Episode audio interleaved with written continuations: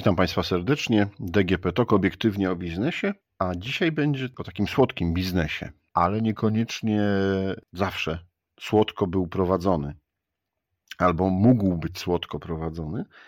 A dlaczego tak mówię, no to przekonacie się Państwo słuchając mojej rozmowy z Łukaszem Garbalem, autorem książki Wedlowie Czekoladowe Imperium. Witam Panie Łukaszu.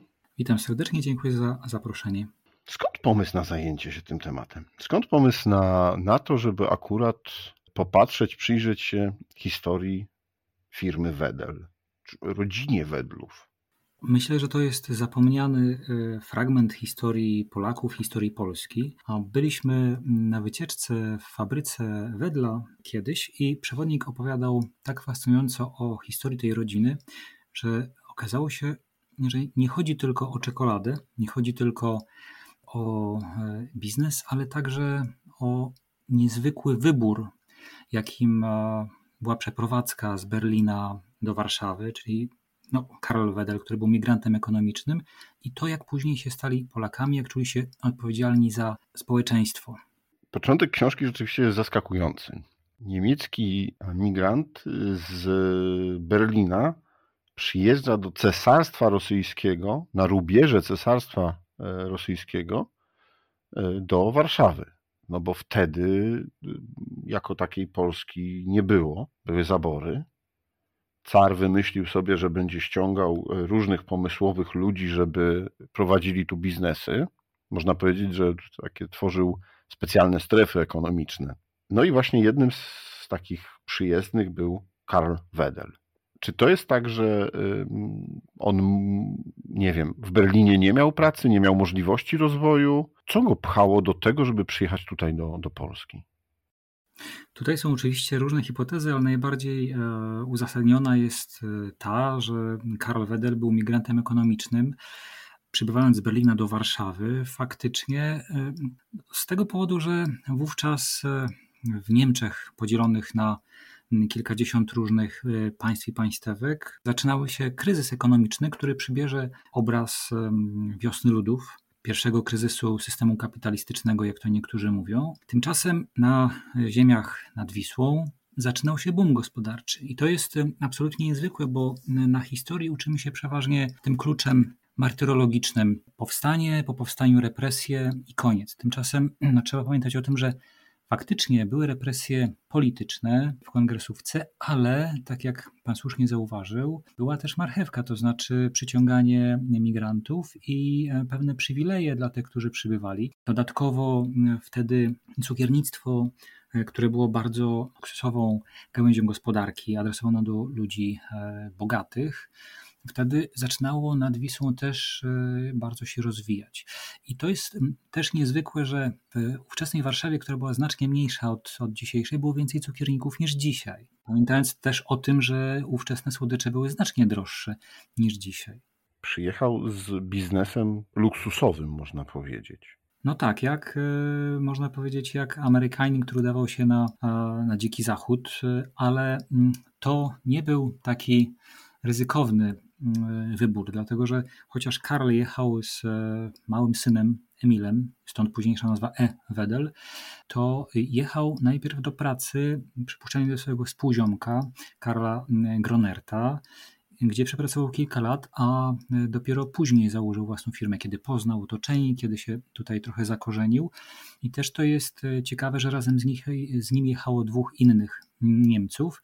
No i to, że wtedy e, cukierników w Warszawie większość to byli Niemcy e, czy, czy Szwajcarzy, tak jak rodzina Blikle, która się później zresztą sprowadziła. Polaków takich etnicznych było bardzo niewielu. To była e, wysoce wyspecjalizowana dziedzina, no to była sztuka cukiernicza. Także sam Karl Wedel uczył się wcześniej w Paryżu i Londynie tej sztuki, także to nie było takie łatwe. A zaczynał w ogóle w Warszawie od sprzedaży piwa ale to był interes sezonowy i szybko otworzył cukiernię. Na tej sprzedaży piwa powiedzmy, że zaoszczędził tyle, tak? Czy, czy mógł zarobić tyle, żeby, żeby zainwestować w własną cukiernię. Będziemy jeszcze się nieraz odnosili do, do książki, do tych słodkich biznesów. Natomiast mam takie pytanie, jak zbierał Pan informacje do książki? Skąd miał Pan dokumenty, skąd Pan miał wiedzę No bo okej, okay, pierwsza rzecz, no to inspiracja, wizyta w fabryce i zwiedzanie jej. A dalej? No to przypominało trochę zbieranie puzli z bardzo e, różnych źródeł. Niesamowite jest, jak e, dużo można znaleźć w bibliotekach i archiwach różnego rodzaju. I tutaj też chcę bardzo podziękować e, bibliotekarkom i archiwistom, którzy w trudnym czasie pandemii i różnych ograniczeń potrafili te kwerendy zrealizować i, e, wyciągać e, teczki pełne starych papierów, których jako edytor lubię się grzebać, a w których jest bardzo dużo smakowitych historii, jak na przykład stare czekolady, stare etykiety po czekoladach, na których, na których Jan Wedel notował. Bardzo dużo jest w starych gazetach, bo wówczas były takie zwyczaje, że na przykład informacje o ofiarach e, dobroczynnych publikowano w gazetach. Czy kiedy ktoś wyjeżdżał w interesach do Paryża, tak jak Emil Wedel, to potrafił o tym w gazecie napisać. Także to wymagało oczywiście przejrzenia kilkudziesięciu e, lat e, różnych roczników czasopism, przejrzenia mm, zasobów w archiwum państwowym, e, w archiwum także dotyczącym zboru ewangelicko-augsburskiego, którego członkami byli Wedlowie jako luteranie. No i także dzięki rodzinie miałem dostęp do archiwum rodzinnego, a dzięki firmie Wedel miałem dostęp do archiwów fabryki. I chciałem od razu podziękować firmie Lotte Wedel, bo no to jest wzór polityki historycznej, dostęp nieskrępowany do archiwów i możliwość dla badacza pisania absolutnie wszystkiego, co tam znalazł, bo to pokazuje całą historię. Bardzo ciekawe są te smaczki, można powiedzieć, w których Pan e, właśnie cytuje o tym, co było zapisane na przykład na radach nadzorczych, kiedy już fabrykę przejął Emil Weder, kiedy była spółką. Tak, i tutaj y, to też pewne puzzle wzajemnie do siebie zaczynały pasować. To było niezwykłe, dlatego że nie można uzależnić się od jednego typu źródeł. Czy jak idzie mm, badacz do archiwów IPN i przepisuje to, co tam znalazł, no to, to to nie jest y, naukowe. Tak samo jak inny z kolei y, słucha jakiegoś świadka i przepisuje tylko to, co on mówi, no to też nie jest historia, to jest po prostu przepisanie czegoś punktu widzenia. A to, żeby opowiedzieć, żeby zbliżyć się do, do faktów, no to trzeba znaleźć różne punkty widzenia i wzajemnie je ze sobą sprawdzać, no konfrontować, trzeba być takim detektywem, trochę będąc, będąc, będąc badaczem. No i tutaj niesamowita historia, bo chociażby y, z tym, czego nikt wcześniej się nie dokopał, to znaczy tego, że dzisiejsza fabryka Wedla stoi w miejscu kamieniczek ojca Romana Dmowskiego. No tymczasem właśnie pierwszy element był taki, że w lipcu 1898 roku kurier warszawski dał ogłoszenie o licytacji właśnie dwóch kamieniczek odziedziczonych przez rodzeństwo Dmowskich, w tym Romana Dmowskiego po ojcu, obciążonych długami. No i właśnie te kamieniczki kupił Emil Wedel. No i drugi element tej układanki. Później otrzymałem wgląd w protokoły posiedzenia Rady Nadzorczej z archiwum rodzinnego, czyli inne źródło, inny typ źródła, inna lokalizacja. I tam było właśnie w takim protokole z 1938 roku zapisane czarno na białym, że trzeba spłacić jeszcze długi po Romanie Dmowskim z, z kamieniczki, którą, którą firma kupiła. Także to niesamowite, jak, jak to wzajemnie się potrafi budować po Romanie Dmowskim, ale o ojcu, tak? Tego sławnego polityka. Czy to już nie, to już były długi osobiste po Romanie Dmowskim. Wcześniejsze długi były y, w kamieniczkach po jego ojcu. Ale generalnie chodzi o to, że była to spuścizna Dmowskich, tak. Mam takie pytanie, bo książka jest o trzech wedlach. Nie wiem, czy dobrze to y, odmieniam, nazwisko w tym wypadku.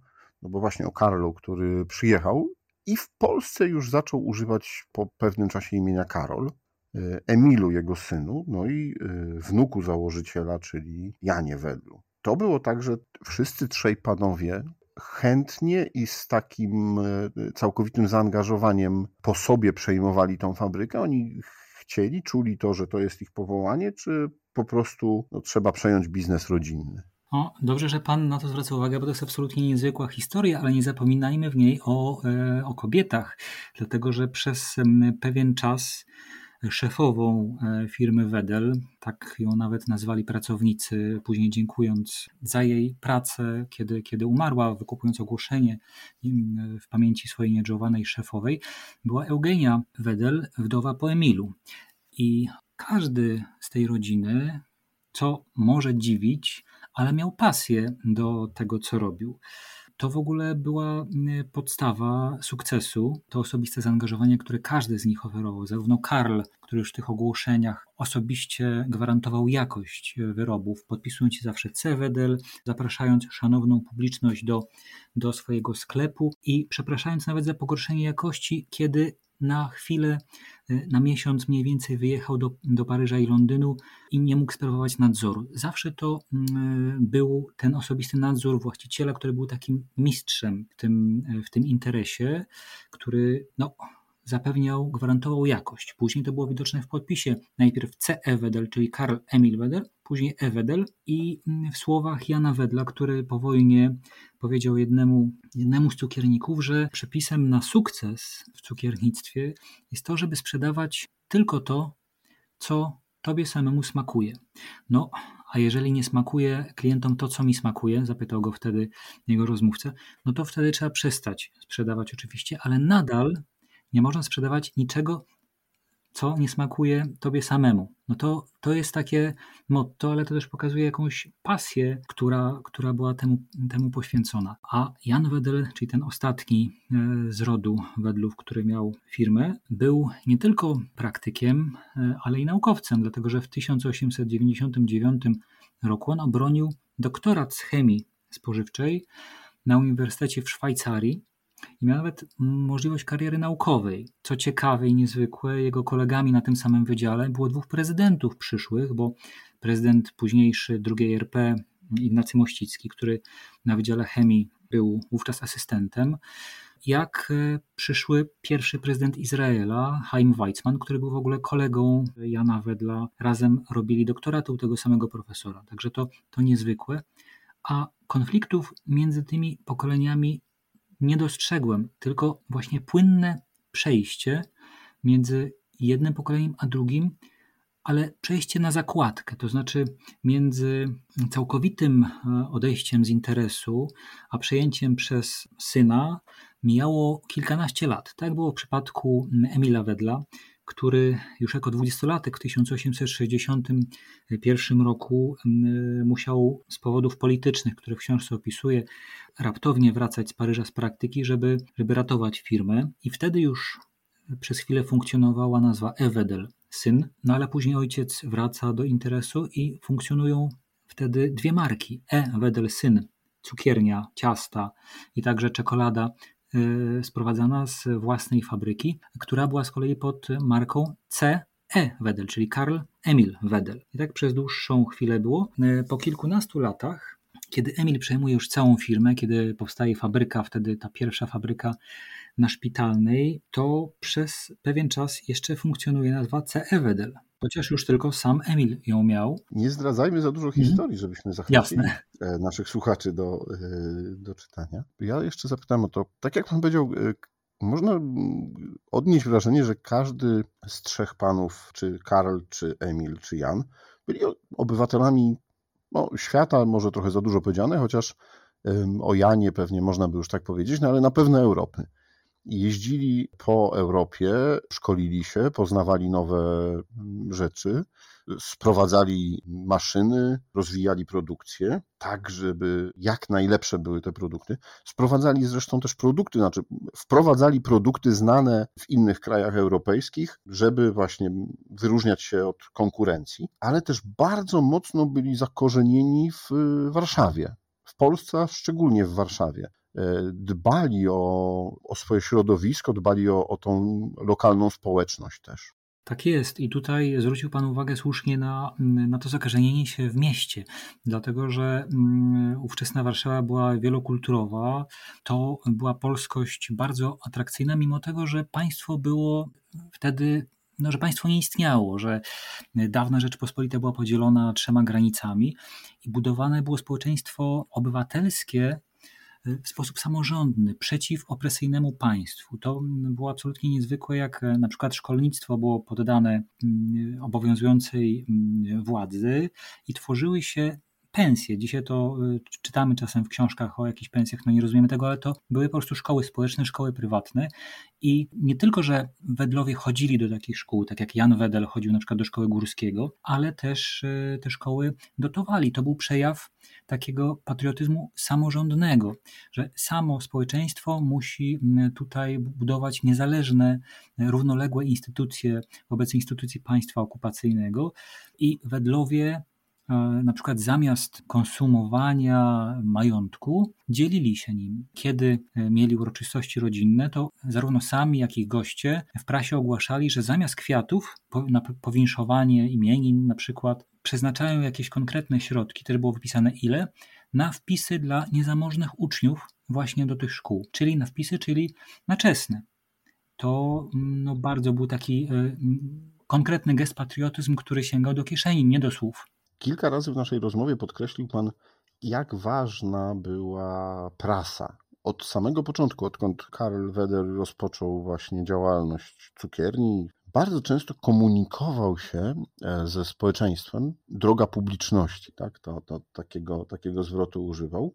Można powiedzieć, że od samego początku w tej firmie bardzo mocno stawiano na marketing, reklamę, na PR, chociaż no dzisiaj byśmy tak tego nie, nie ujęli, ale jednak to bardzo nowoczesne podejście do prowadzenia firmy. Tak jest, ma Pan rację. To było absolutnie niezwykłe od samego początku, szczególnie jeżeli pamiętamy o tym, że w połowie XIX wieku w ogóle reklama była uważana przez wielu kupców za przejaw nieuczciwej konkurencji, bo towar sam się sprzeda, tak niektórzy uważali, reklamować nie trzeba. A już Karol Wedel zaczął pisać listy do szanownej publiczności, jak to nazywał, bo to była reklama, ale w takiej bardzo formie dialogowej przypominała raczej rewie mody, dlatego że on nie dawał jednego hasła, że to jest najlepszy produkt, tylko prezentował kilkanaście czy kilkadziesiąt produktów, które opisywał z nazwami bardzo smakowicie, a później patrzył, co się sprzedaje, co chętniej, co mniej chętnie modyfikował swoje produkty i tak to było dialogowo. Jednocześnie były także reklamy ukryte w postaci listów różnych wymyślonych czytelników do, do gazet, którzy chwalili te produkty, opisując, jak to przypadkiem uratowały na przykład ich żonę podczas wizyty gości. To są bardzo piękne teksty, nie ma sensu teraz ich cytować, ale faktycznie to była taka obecność, która była sączona. Później nawet reklamowali się Paryżem. To też jest niezwykłe, e, że mm, w, na przykład w gazetach w Kurierze Bydgoskim w latach 30. w czasie wielkiego kryzysu są reklamy, kiedy będziecie w Paryżu, odwiedźcie sklep Wedla w Paryżu. No ale to zaraz, jak to? Dlaczego e, ktoś, e, kto nie pracuje, miał, miałby wszystko rzucić i jechać do Paryża? Pamiętajmy o tym, że wtedy do Paryża mogło jeździć naprawdę bardzo niewiele osób. To był kosztowny wyjazd, ale to była taka reklama sugestywna. Chodziło o to, że wiedząc o tym, że produkty wedle są dostępne w Paryżu, e, ktoś taki w Bydgoszczy czy w Lublinie mm, mógł kupując czekoladę wedle poczuć się, że on sam jedzie do tego Paryża. To było bardzo subtelne. Tak, że, że on też jest obywatelem świata, że tak po prostu dostaje taki paszport do lepszego świata. A z drugiej strony uderzyła mnie też dbałość o pracowników, szerokie horyzonty patrzenia, bo były żłobki, było przedszkole, opieka medyczna, drużyny sportowe, straż pożarna, w którą też inwestował już później Jan Wedel. Czyli było wiele takich rzeczy, które no, dzisiaj są nazywane CSR-em, tak? dbaniem o, o pracowników, a oni wtedy już o tym myśleli, łącznie z tym, że Karl Wedel nie chciał powiększać swojej fabryki, bo chciał znać wszystkich swoich pracowników, mie mieć możliwość z nimi, nie wiem, zjedzenia obiadu. Tak, to zawsze była bardzo rodzinna firma, e, przy czym nie chodziło tylko o to, że właścicielami była rodzina, ale że właściciele, e, właścicielki lubili zatrudniać całe rodziny, czy osoby polecone przez, przez rodziny. To wynikało z tego dawnego cukierniczego mistrzostwa, z tego, że to była sztuka cukiernicza, czyli chodziło o to, żeby to był ktoś zaufany. I chodziło właśnie o budowę tego zaufania. I Wedlowie czuli się odpowiedzialni za swoją załogę. To było widać szczególnie w czasach nieszczęśliwych, w czasie wojen, ale też trzeba powiedzieć e, dla pełnego obrazu, że to wymagało też pewnej zmiany mentalności, dlatego że u Wedlów zawsze warunki pracy były lepsze niż u konkurencji, ale, ale praca kiedyś była gorzej mm, doceniana niż obecnie. No, na przykład w 1905 roku przecież w fabryce cukierniczej spędzało się 12 godzin. I jeszcze w 1917 roku e, jeden e, z cukierników, inny, wspominał, że to, że robotnicy strajkowali w 1906 roku i chcieli pracować zaledwie godzin 10, prawda, 10 godzin, to, e, no to po prostu jest kradzież majątku fabrykanta, właściciela. I trzeba było pierwszych rządów socjalistycznych, tak, żeby, e, żeby były prawa socjalne, z których z kolei e, Wedel jeszcze wychodził ponad te prawa, ale to do tego trzeba było dojść. Trzeba było przełamać swoją mentalność, a Wedlowie potrafili się uczyć. To jest absolutnie niezwykłe, że oni potrafili się uczyć przyznawać do błędów. Myślę, że to była jedna z przyczyn ich sukcesu. Najlepiej chyba przynajmniej tak mi się wydaje, może mnie pan wyprowadzi z błędu, udało się poznać Jana Wedla, no bo to już najbliższe nam czasy, najlepiej opisane, druga Rzeczpospolita, druga wojna światowa, trochę, trochę po wojnie. Jan Wedel też zostawił właśnie po sobie trochę tych różnych notatek na opakowaniach po czekoladzie. Mam takie pytanie, czy on rzeczywiście był takim pomysłowym przedsiębiorcą, nie wiem, dzisiaj byśmy powiedzieli innowatorem, czy trochę pan osłodził tą historię i tą, i, i tą postać? E, ja tutaj cukru nie dodawałem w żadnym momencie. Pisałem e, tak, jak udało mi się znaleźć, cienie i blaski, żeby pokazać cały kontekst. Także mm, pokazywałem skomplikowany charakter Jana Wedla, który potrafił być e, wybuchowym człowiekiem, ale generalnie no, wychodzi obraz pozytywny. Także no, cukru tutaj nie, doda nie dodawałem, słodyczy, słodyczy nie ma dodanej. Pod koniec książki pisze pan, że to jest tylko część rzeczy, które pan odkrył, a i tak pan wie, że jeszcze jest gigantycznie dużo do odkrycia. Kusi pana następna książka? Jakaś, jakieś, nie wiem, Wedlowie 2.0? Powiem, że jest e, bardzo dużo innych jeszcze historii godnych e, opisania, a w tej sytuacji może y, dobrze by było, żeby y, inni badacze włączyli się, bo zawsze jak jest konkurencja, czy to na rynku, czy, czy w nauce, czy w badaniach, to jest dobrze. Myślę, że raczej to jest zaproszenie do innych, żeby, żeby szukali coś, czego ja przeoczyłem. Także tutaj z mojej strony serdecznie do tego zapraszam. Czyli rozumiem, że już Pan pracuje nad jakąś nową historią. Mam kilka.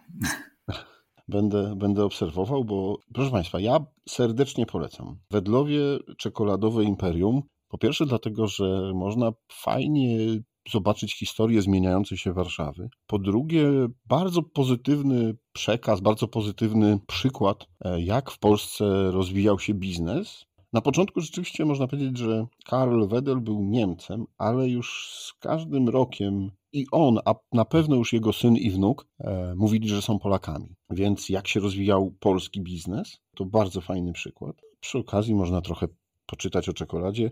E, ja przyznam szczerze, że nie oparłem się e, pokusie i musiałem sobie kupić pudełko ptasie koleczka. Dziękuję bardzo za rozmowę. Moim gościem był Łukasz Garbal, autor książki Wedlowie Czekoladowe Imperium. Dziękuję serdecznie. Rozmawiał Szymon Glonek, a podcast zrealizowała Dorota Żurkowska. Thank you.